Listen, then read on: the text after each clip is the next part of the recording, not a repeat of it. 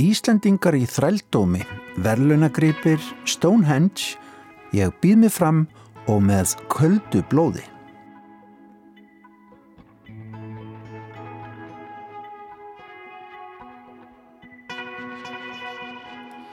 Í vísjá í dag verður rætt við hönnunarteimið Studio Fletta en það er Birta Rós Brynjólfsdóttir og Hrefna Sigurðardóttir er um þessa stundir með opna vinnustofu í Grifjunni í Ásmundarsal. Þar eru þær að sanga að sér gömlum verlunagripum og ætla að endurnýta í nýja hönnun. Í pisli sínum fjallar Ragnhildur Holgerstóttir Sakfræðingur um bref Íslendinga í þrældómi í Norður Afríku á 17. öldinni. Bók vikunar á rás 1 er með köldu blóði eftir Trúmann Capote og að því tilöfni verður rætt við Björn Þór Viljámsson bókmyndafræðing um bókina. Og Þorvaldur Sigurbjörn Helgarsson rínir í sviðslistaháttíðina Ég býð mig fram sem unnur Elisabeth Gunnarsdóttir heldur utanum í Tjarnarbíói. En við byrjum á deilum í Breitlandi.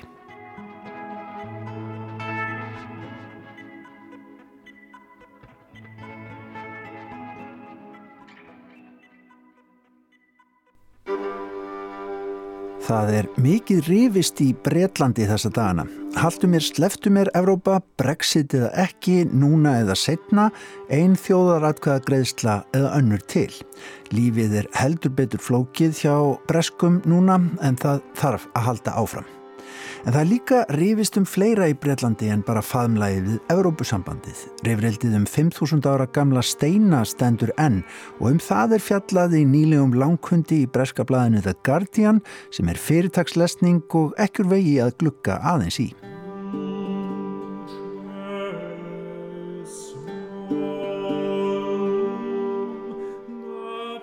Jú, Við erum auðvitað að tala um steinana í Stonehenge í Wiltshire héræði sem fangað hafa aðtegli manna um árþúsundir og skildi engan undra.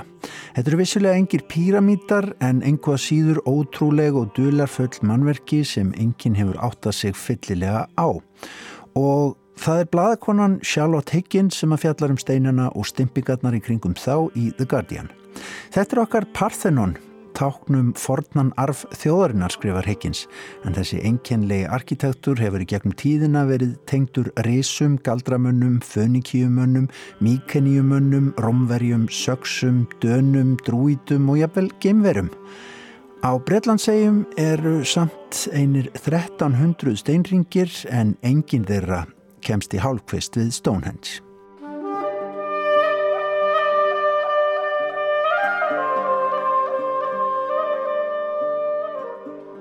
Þetta eru steinar sem jafnvel hafa getið af sér og endurlífgað trúarbröð en Higgins bendir á að hugmyndir þeirra sem Breitland byggja um steinana hafi einmitt endur speklað hugmyndir íbúana um sjálfa sig. Þannig séu steinarnir eitthvað allt annað fyrir breytum í dag en þeir voru á tímum Williams Blake sem talaði um byggingu hins eilífa dauða eða Thomasar Hardy sem talaði um hryllilegan stað eða þá tímum andmenningar síðhippana sem að heldu þar til allt þar til þeim var bólað í burtu með laurugluvaldi í svo kallari orustu á Baunavöllum Battle of Beanfield árið 1985 í einhverju svakalegustu og umdeldustu lauruglu aðgerð síðari tíma í konungsveldinu. Og hvernig er Stonehenge nútímans þá? Hvar er Stonehenge statt? Jú, Stonehenge á tímum Brexit er pikkfast í kjærfinu auðvita, flægt í nefndarvinnu og embætsmannakerfi landsins. Þetta er típiskur breskur kervis sirkus, segir Higgins. Málið snýst um veginn sem að liggur fram hjá steinunum og tengir landslutað saman og hvort grafa eigi þann veg niður í jarðgöng á svæði þar sem engin veit með vissu hvað leynist undir yfirborðinu.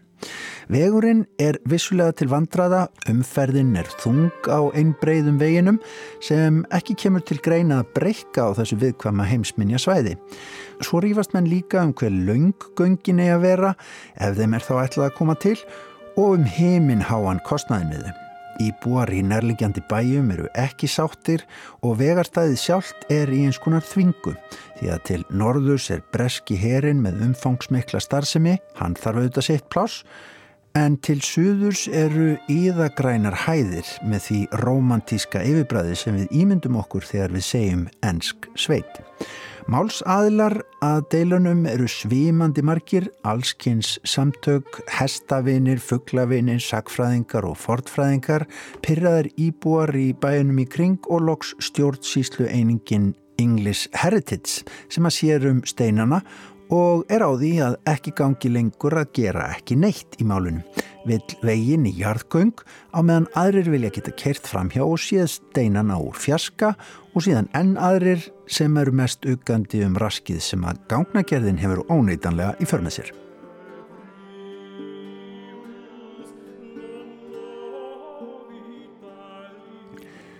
Hinin og þessir taka til máls í deilunum, þekktir fræðumenn á þessu sviði úr ýmsum áttum og listamenn. Þeirra mest ábyrjandi eru annars vegar bandaríski leikarin Harry Shearer sem þekktastur er sem bassaleikarin Derek Smalls í myndinni ódölugu um rocksveitina Spinal Tap frá árinu 1984 og síðar sem Rödd sjálfs Herra Burns í Simpsons þáttunum. Og hins vegar er það myndlistamæðurinn Jeremy Deller sem að tekið hefur til máls í þessum deilum. Þeir eru báðir þessi tveir á móti í jarðgöngum. Einhverjir muna kannski eftir Stonehenge atriði úr myndinni um roksveitina. Dansandi steinar og dansandi grænklættir dvergar koma kannski upp í hugan og Jeremy Deller gerði sjálfur sína eigin útgáfu af heimsminjasveðinu árið 2012 sem var um leið hoppukastali og hann kallaði því viðeigandi nafni Sacrilege, helgispjöll.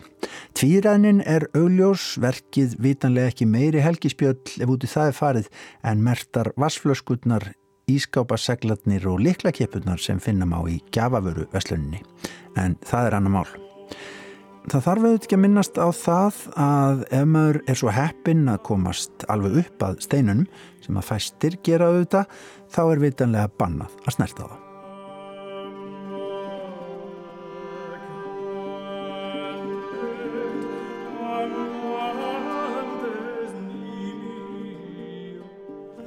En myndlistamæðurinn orðar það ágætlega í greininni í The Guardian að vandin og kannski kosturinn líka við Stonehenge sé að staðurinn sé gal opið tákn fyrir það hvað það sé að vera enskur.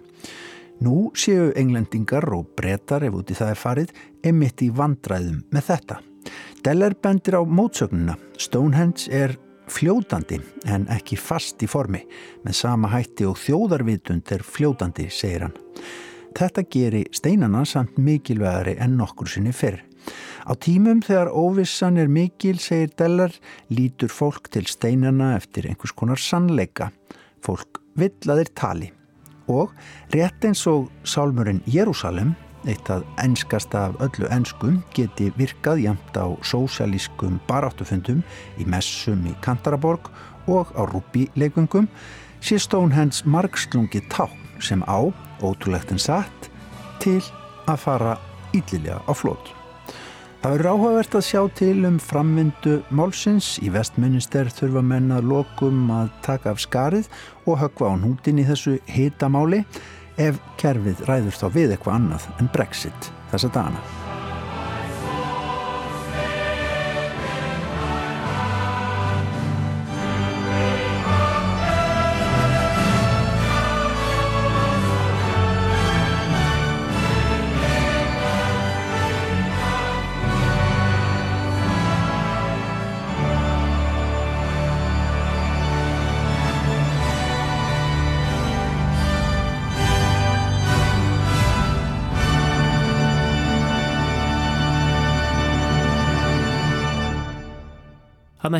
Blá lokin á einum tilkomu mikla sálmi Jérúsalem í útsetningu Hubert Parry.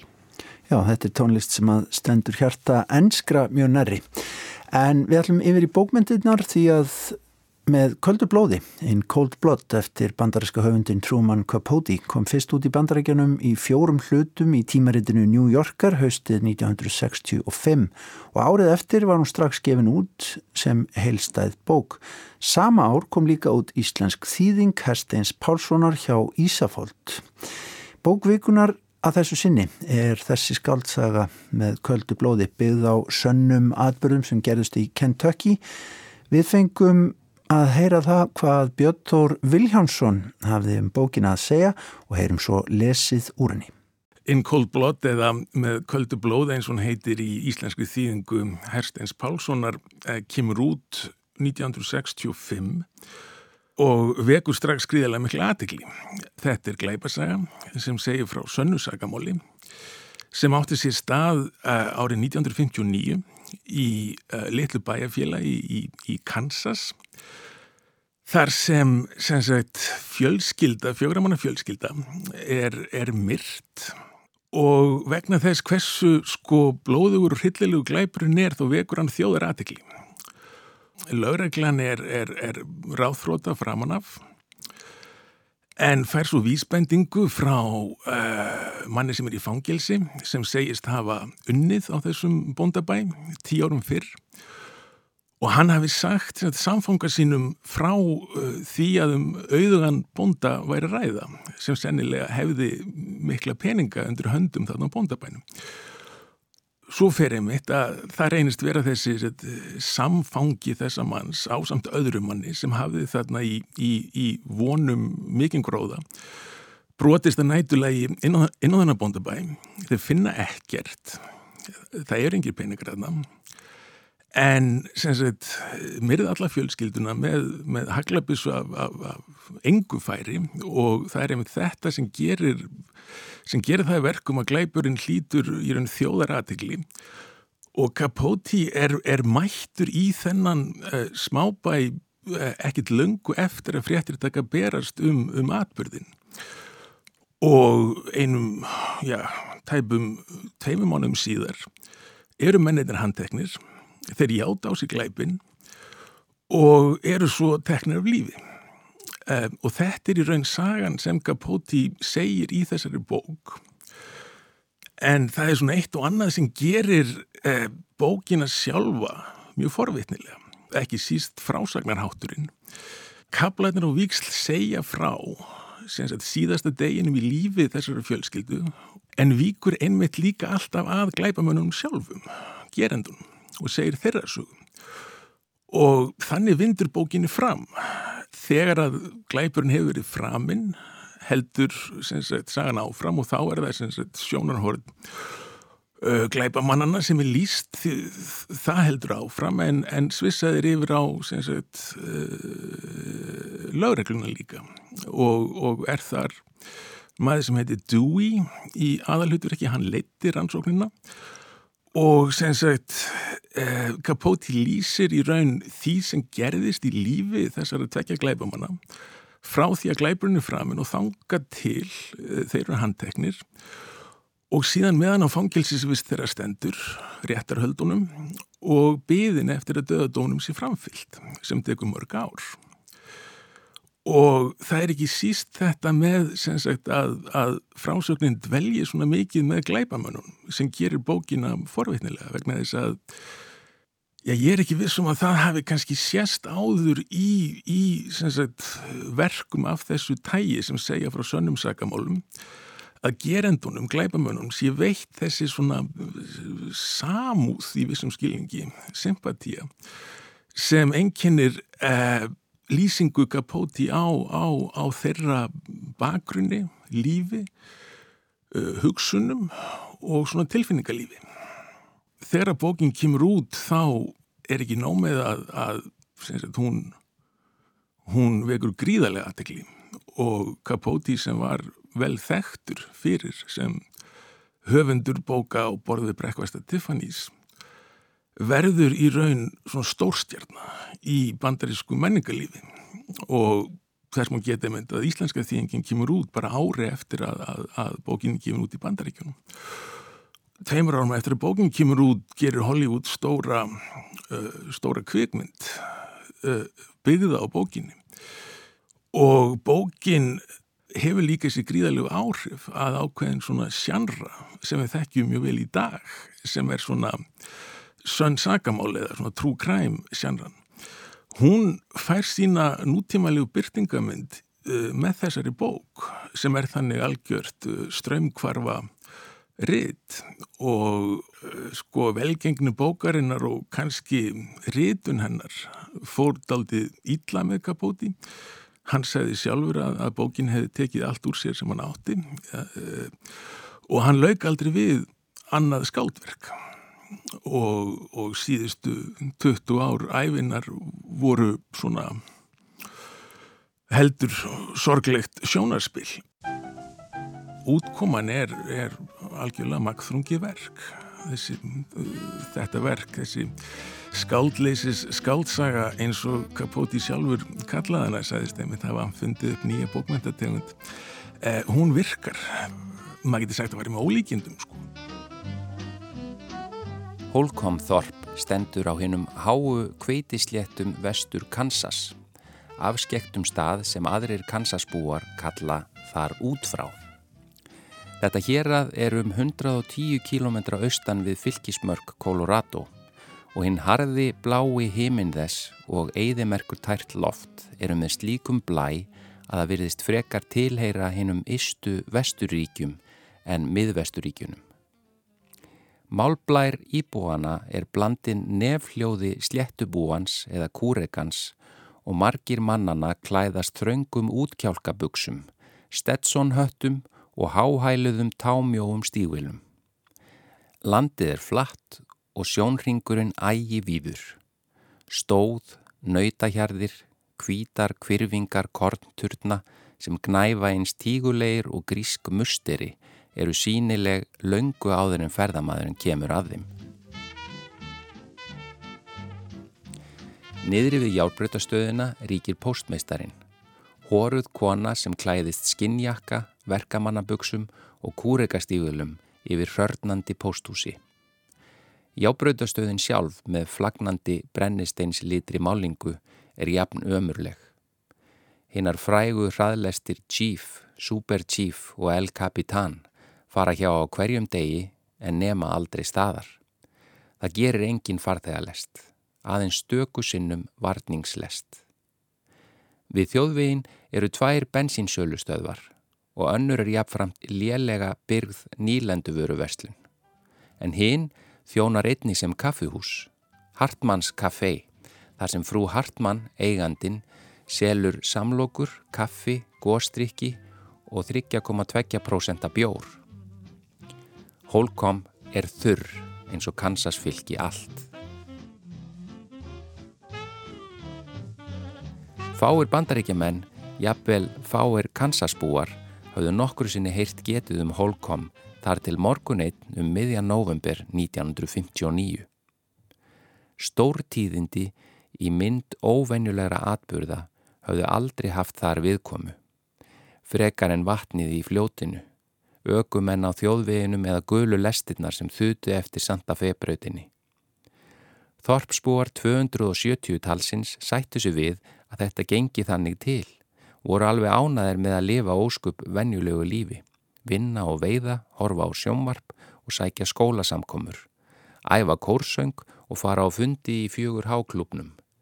En svo var það eldsnemma þennan novembermorgun, sunnundagsmorgun, að viss framandleg hljóð bættust við venjuleg næturhljóð í holkom. Gól slettu úlvana, þurft snarkið í fjúgandi stráum, hraðfara hverfandi væl eimreðar blístru en engin sála í holkom sem var í fasta svefni heyrði þau. Fjögur haglabissu skot sem urðu alls sex manns að bana.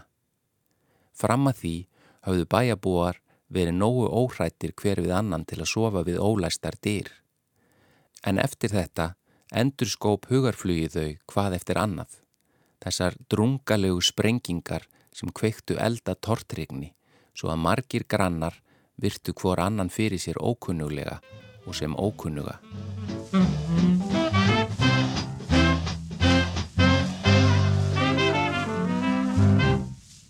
Og það var Gunnar Hansson sem las fyrir okkur úr skáldsögunni In Cold Blood með köldu blóði eftir Truman Capote. Það er bók vikunar á rás 1 að þessu sinni.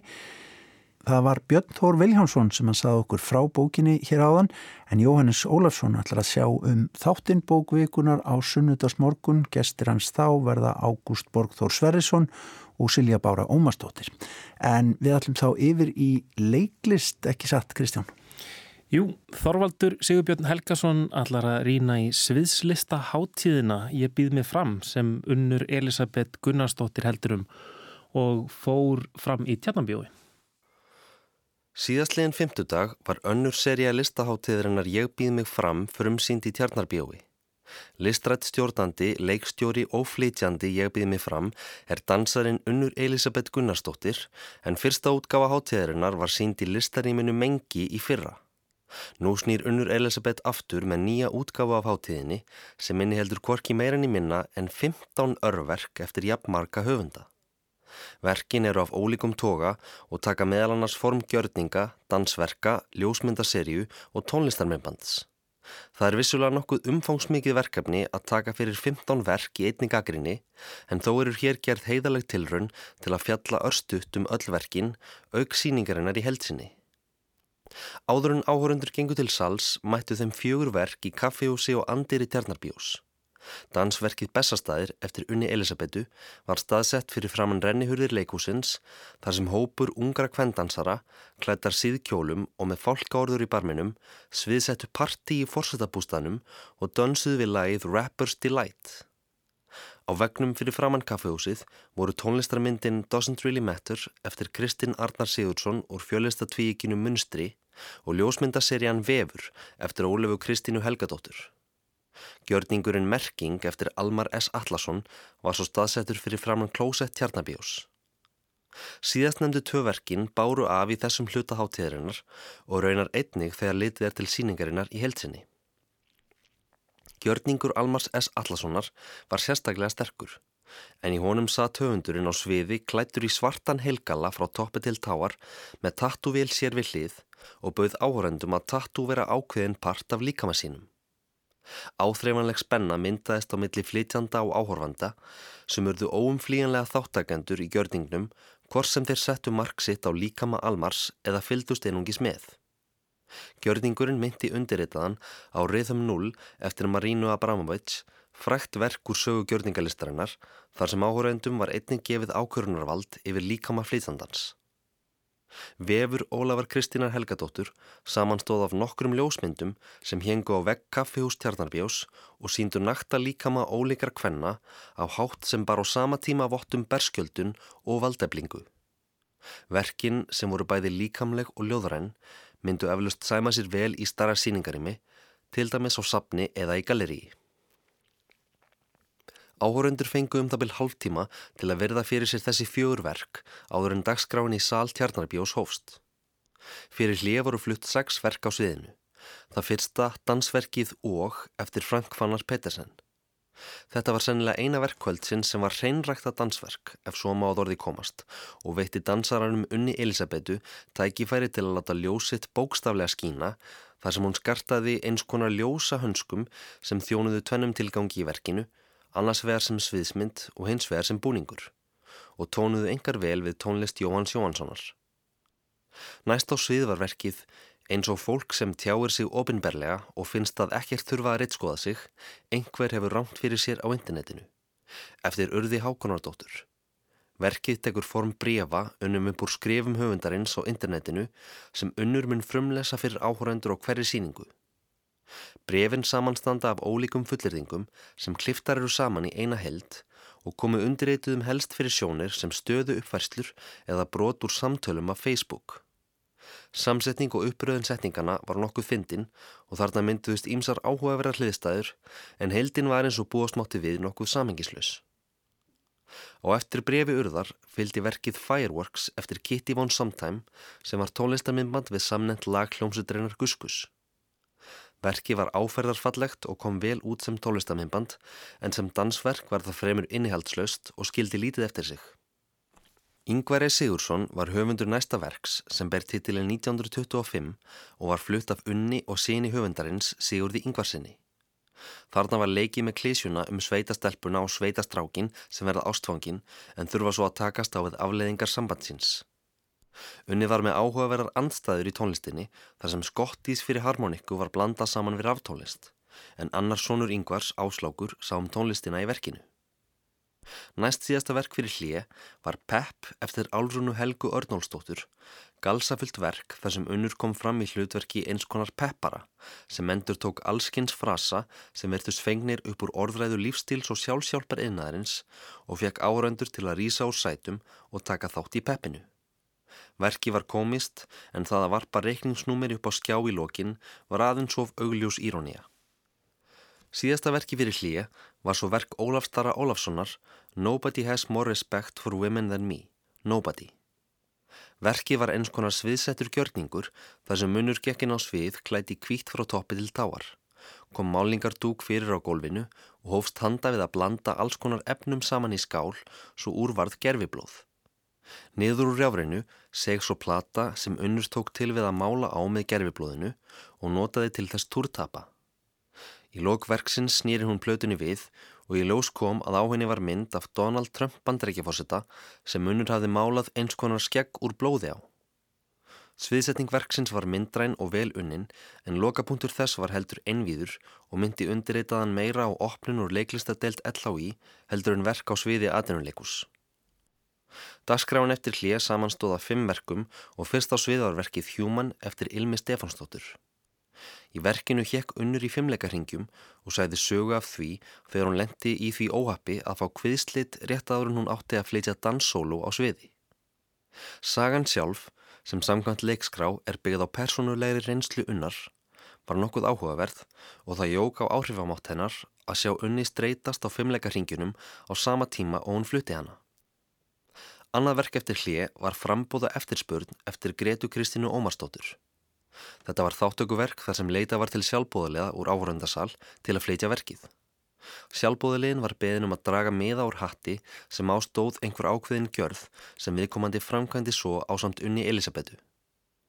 Nokkrum öðrum áhörundum hafði verið rétt umslag þegar þeir sneru aftur í salin eftir hlið og voru þeir útnefndir dómarar verksins. Þeirra á meðal var undirritaður sem verður að teljast nokkuð viðegandi í ljósi þess að hann var þar einnig status sem gaggrinandi. Að lokum var svo enneitt áhórandin útnemdur segurvegari en hvernig að þvívali var staðið var þó ekki alveg skýrt. Rýströmsins bákn og jamframt minkar þú hétt næsta verk en höfundur þess er Steinar Júliusson. Verki þóst á því að unnur gekkin á svið klætt náttsloppi og hljóðmynd byrja að spilast þar sem nokkrar pískrandi rattir tóku til við að baktala hana. Verki leistið svo upp í eins konar síkatæliska myndgerfingu á kvíða og martröðum flytjandans þar sem eldgós og aðrar hættur byrtust á tjaldinu fyrir aftan hana. Verki var bæði frumlegt og fyndið, auk þess að mynd og hljóðvinnsla þess var mjög vöndið. Næst síðasta verkkvöldsins var Ástand Sands eftir Friðger Einarsson. Í verkinu flutti unnur fyrirlestur um sand þar sem hann kvatti áröndur til að hugsa meira um þetta vannmetna fyrirbæri sem er undirstaða svo margra hluta í umhverfi okkar. Sviðsetning verksins myndi á kynningu og viðskiptahumynd eða tett fyrirlestur.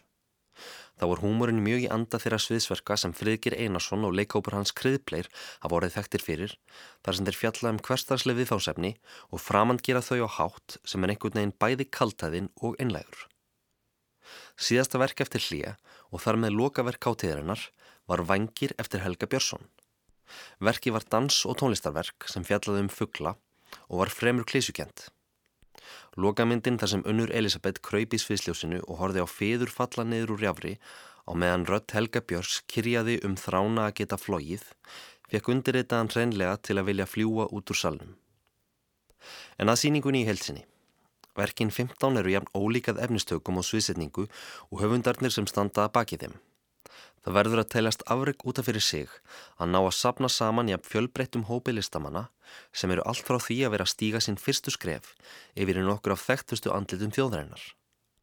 Öll þessi ólíku verk og höfundar gera þó að verkum að heldarbrægur hátíðarinnar er nokkuð sundurlaus og erfitt er að benda á eitthvað eitt sem tengir verkin 15 saman annað en unni Elisabetu sjálfa.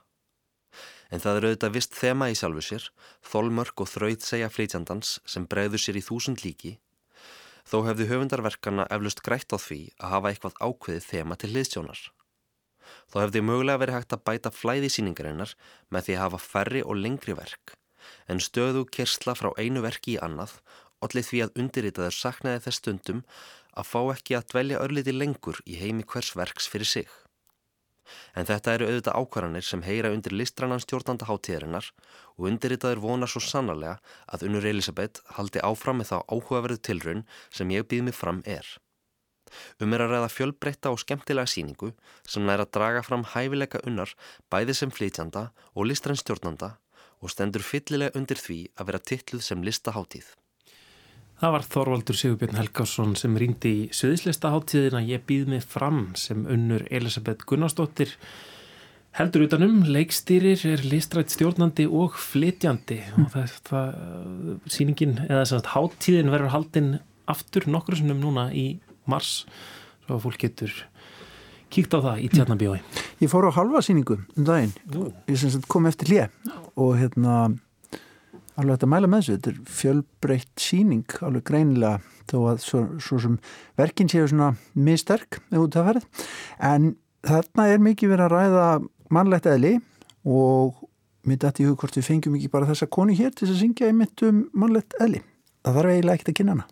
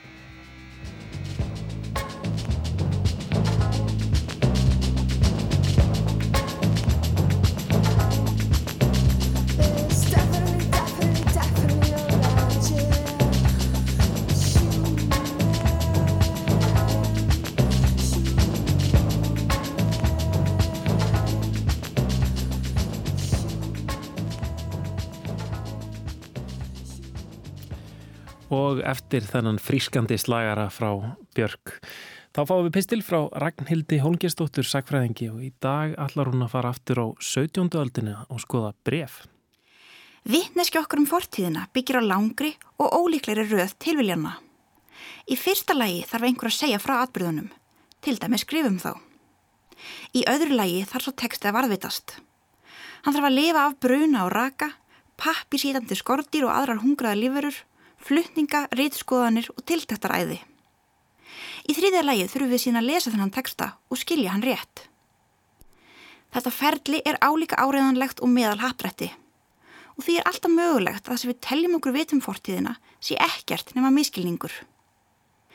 En ef allir myndu alltaf vinna í haprætti þá eru þið vinninganir mjög fljótt einskis virði og því er eins farið með sögulegar heimildir. Því ótrúlegri sem tilvist þeirra er, því merkilegri finnst okkur þær vera.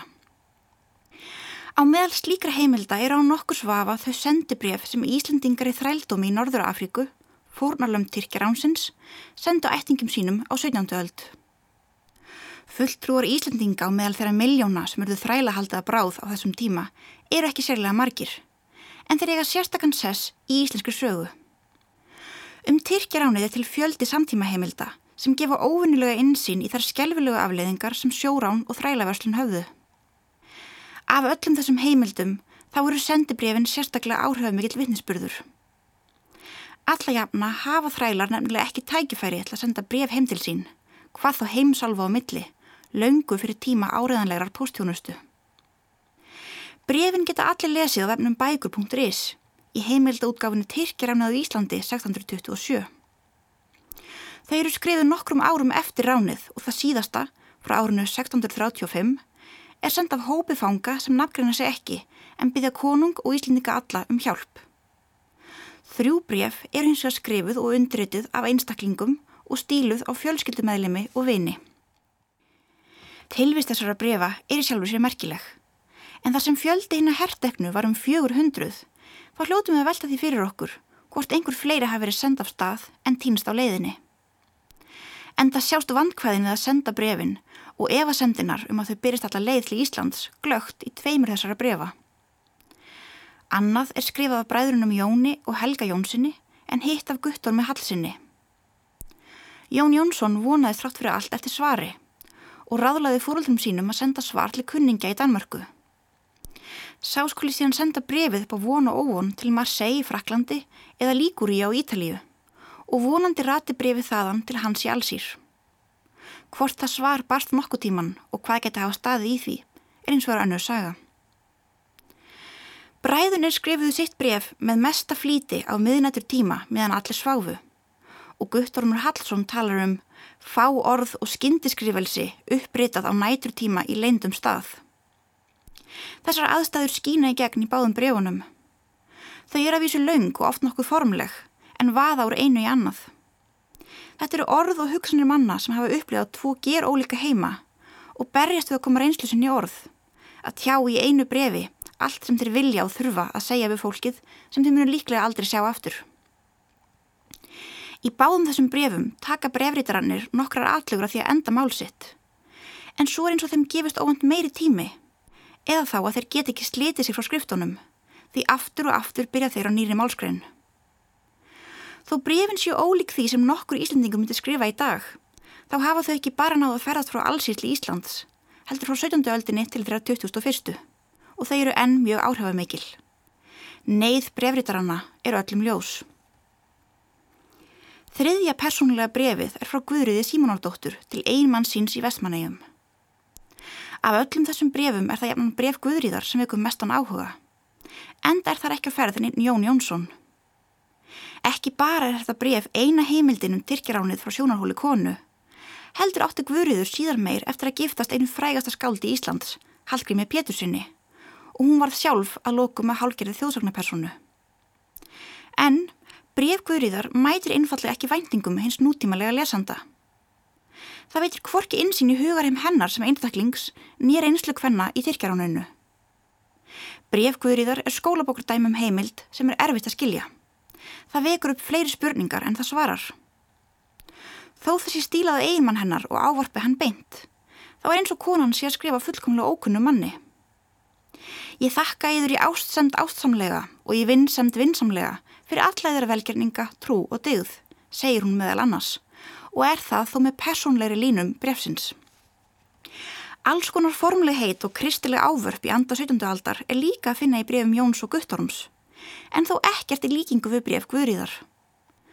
Eftir langan, orðmarkan og guðurhættan aðdraganda þá loksin skiptir brefið um tón þegar Guðríður fyrir að tala um áhyggjunar sem hún hafa af sinni sínum, sem einni var tekinn til fanga.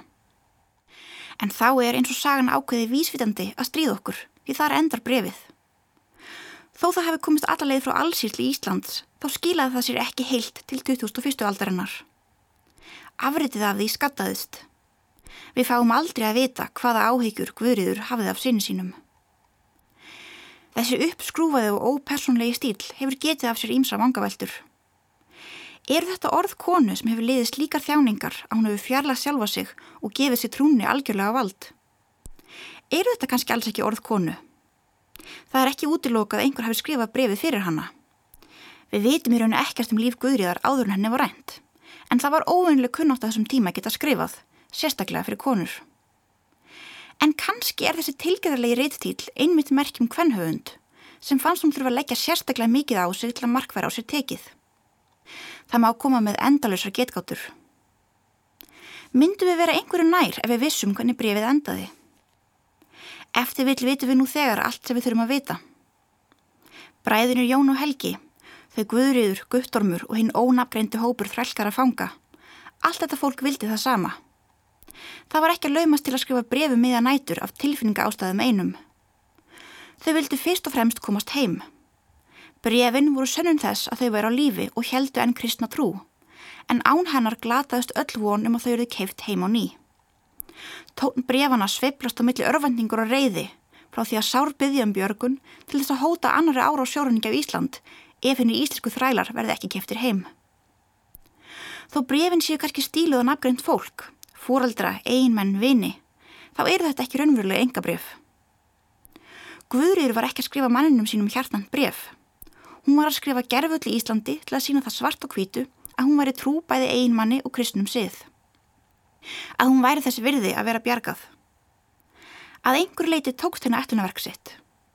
Guðriður snýri heim eftir átt ára dvöli þrældómi en einhvern veginn tókst henni að sapna fyrir hlutanum af sínu eigin lausnagjaldi. Einungis einn tíundu þeirra sem var rænt snýri aftur og því má segja henni hefði tekist þið ómögulega. En þrátt fyrir allt sem hún lagði á sig, það varð orðspór hennar aldrei samt.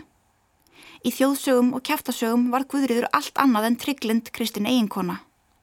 Hún átti þvert á móti að hafa vafið allsískum karlmennum um fingur sér og dyrkað skurðgóð þegar heima komið.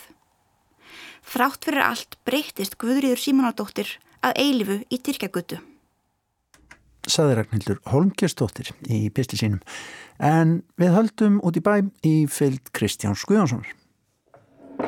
Ég er komin ykkar í ásmundarsal í Grifjuna og hérna eru hjá mér stúdíó Fletta sem eru Birta Rós Brynjólfsdóttir og Hrefna Sigurðardóttir, hönnunar teimi. Grifjan er eiginlega tróðfull af byggurum núna í augnablikinu. Hvað hva er eiginlega í gangi?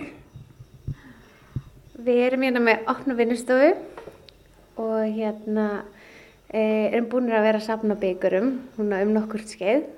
Og hérna erum eh, að vinna verkefni sem að vera sínt á hönnumars þar sem við verum að skrú í sundu byggara og setja saman aftur og svona um, raða upp í, í húsgögn og annað í þeimdur hvað hérna, af, af hverju fóruð þið að pæla í byggurum, af hverju, af hverju langaði ykkur að vinna með þetta efni?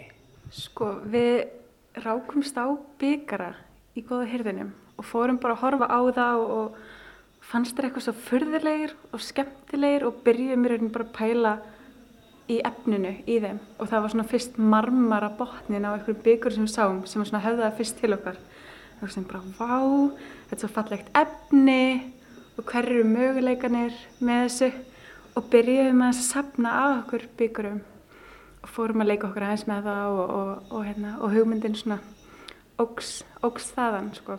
Þetta er auðvitað ótrúlega merkilegt fyrirbæri, þetta svona kannski, þeir hafa kannski yfirleitt ekki mikið svona efnahagslegt gildið, þeir hafa mikla persónlega merkingu oft fyrir fólk, byggararnir sem það fær. Já, algjörlega. Og það er líka svolítið það sem við höfum verið að skoða, svona að það er náttúrulega hver einasti byggar hérna inni hefur upplifað mjög, eða hefur viðstáttur mjög stórt augnablík í lífi einhvers og það, það er alveg þrótleysar æfingar og margar vinnustundir á baka hvern einasta byggar sem að okkur finnst líka útrúlega áhugavert. Ég reyndar hef aldrei unni byggar sjálf, svo það séur, þannig ég, ég, er, ég er líka svolítið að ímynda mér þetta. En hérna, En við hefum átt reyndar einhver samtöl líka við fólk sem rekkir þetta veginn reynslu. Mm. En hérna, að, þetta er svona, þetta er, þetta er svona gildislanir hlutir sem eru búinu til fyrir eitt augnablík, ef mann líði þannig, sem að svona, svo missir einhvern veginn gildi þegar því er lokið og það er eitthvað svo áhugavert. Mm. Hvaðan hafið fengið alla þessa byggara? Hérna er allt borðið tróðfullt af byggurum, hvaðan koma þeir?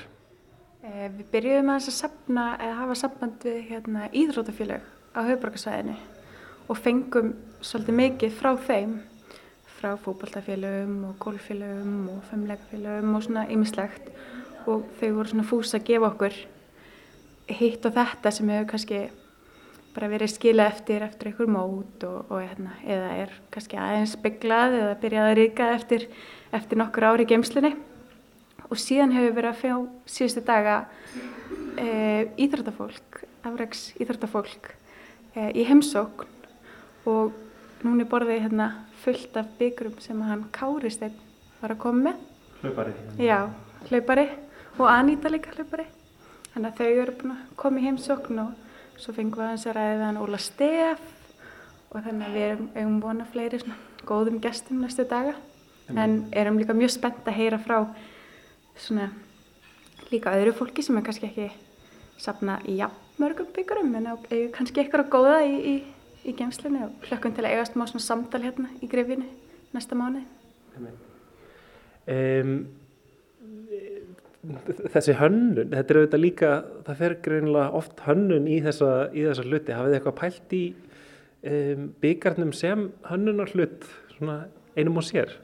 Já, það er alveg, þetta er lung saga náttúrulega, svona baku byggara sem við höfum svona aðeins skoðað og það er alveg áhugavert það sem við höfum allavega að lesa okkur til um er að þetta byrjaði sem sko svona, það var á ólimpíuleikunum í Greiklandi að hérna þá var gefin ólífólja í byggar og ólífólja var næringarík og var svona eitthvað sem að og líka eitthvað sem að verðlunahafarni gátti jafnvel selt og það var alveg svona mikil svirði og það var, hún var gefin í eitthvað svona byggar eða svona leirkeri og svo eða svona sagan sem við hefum allavega lesið er að að hérna, það hefði svo þróast og, og þróast svolítið yfir í byggar og hérna svo ég held að það hefði verið að ég man ekki hvernig það var sem að byrjaði að vera hérna svona kaligar sem voru gefnir. Og svo er sko ólífutrið var þú veist eitthvað sem þeir tilbóður alveg, eða svona var þeim heilagt. Og maður getur alveg séð svona, svona ólífu eða þessir hérna kransar sem að grekkir voru með á höfðinu og það er ennþá svona minni úr þessu á byggurunum sem er mjög áhugavert. En þeir voru náttúrulega, úr efnum sem voru kannski svona svolítið verðmættar á tímubili en núna þá er hérna er þetta marmari og svo kemur oft plastfótur og svo málmbyggar á toppnum. Og marmarafóturinn er svona verist þeirra settir kannski til að þingja þennan plastlut og gefa eitthvað svona tilfinningu um eitthvað virði sem er líka rosa áhugavert hvernig þetta er einhvern veginn orðið svona e, meira útletslegt heldur en Nei, Þetta er ekki raunverulegt gull Nei, ég veit Þetta eru svona smá bara tálmyndir í dag ja. af einhverju svona mikilfenglegu og, og einhverju tilkomnu miklu en er í rauninu bara eitthvað svona plast, húðað, gull og silver eða þú veist, já. En þjónar samt algjörlega sínum tilgangi. Já. Vitið þið hvað þið ætlaði að gera með alla þessa byggjara? Vitið þið hvaða afurð gæti komið út úr þessari vinnu? Eh, eins og er, þá erum við náttúrulega bara í miðjuferli og erum hérna með þess að opna vinnustöfu næsta mánuðin og verðum hérna bara að vinna, gera tilhörinir og, og ræða við fólk og svona og sapna hugmyndum og, en við erum að stefna að því að umbreyta þessum hlutum í eh, gefa þeim nýtt hlutverk og notagildi í húsgögnum og það er svona niðurstand sem að við erum svona að stefna að eh, já, myndi ég að segja einmitt, svona húsgögn kannski litlir, einhverja heimilis heimilislutir Og sem sagt, vinnustofan verður hérna opinn alveg þangað til á hönnunamars sem er í lok mars og þá verða afurðunar síndar hérna, eða ekki? Jú, einmitt. 28. til 31. mars í Grifjunni. Um, þið hafið svolítið áður verið að vinna með svona endur nýtanleika, er það ekki? Í, í öðrum verkefnum að, að í rauninni nota svona einnota hluti og, og en, en, gefa þeim nýtt líf, er það ekki? Jú, einmitt, þannig hófst eiginlega sko okkar samstarf, okkar hefnu 2014 að þá byrjuðum við hérna verkefni sem að ber heiti Haugfjö og þar vorum við að tala við framleiðslu fyrirtæki á Haugburgarsveðinu og svona aðeins að kortleggja hvað fellir til hjá þeim, hvers konar efni við er og vorum að nota það í alls konar vinnusmiðjur og vorum svolítið að deila þessum upplýsingum fyrir þá sem að hefðu hugsanlega not fyrir að gæti nýtt sér þennan efni við sem í rauninni er annarkvort bara fleikt, endar í landfyllingum eða er jafnvel fluttur á landi til endur, hérna, endur nýtingar. Þannig að þannig byrjuðum við að vinna saman og það hefur alveg verið smá svona rauði þráðurinn í okkar samstarfi er að við erum alltaf að vinna með eitthvað efni sem okkur finnst eða eitthvað sem við bara finnum eitthvað með. Finnst ykkur að hönnun eh, í dag, eh, henni ber einhvern veginn skilda að velta, velta þessum hlutum fyrir sér, eh, endur nýjanleika og, og menna, náttúrulega hefur verið þessi rosalega fjöldaframlegsla? Já, ég held að maður geti eiginlega ekki verið, en það er ekki auðvelt að vera hönnuður í dag og, og horfa fram hjá því sem er að gerast svona í heiminum og samfélagslega að maður svona, maður hlýtur auðvitað að finna til einhverjar ábyrðar sem ja, allavega þá svona, já, all, líka námið okkar var svolítið miðað út frá því veru hennar námið að, að svona hugsa út frá hráefnunum sem við notum og, og, og hvað við skildum eftir í heiminum. Ég held að það sé bara jákvægt. Þetta var hönnunateimið Studio Fletta, Birta Rós Brynjólfsdóttir og Hrefna Sigurðardóttir. Það er alltaf að vera þarna í grifjun í ásmundarsal alveg þangað til í lok mars þegar hönnunamars, háttíðin fer fram. Um, og kannski byggast afsökunar á hljóðinu þarna það var verið að vinna við að búa til höggmyndir þarna fyrir utan. Það er Mattias Rúnar Sigursson sem er Já, á fullu með sína græður. Um, ég veit ekki hversu vel það heyrðist en það er alltaf mikið líf þarna í ásmundarsal. Og við sjá elefandi þáttur við þökkum fyrir okkur í dag. Ágættur hlustendur verið sæl. Verið sæl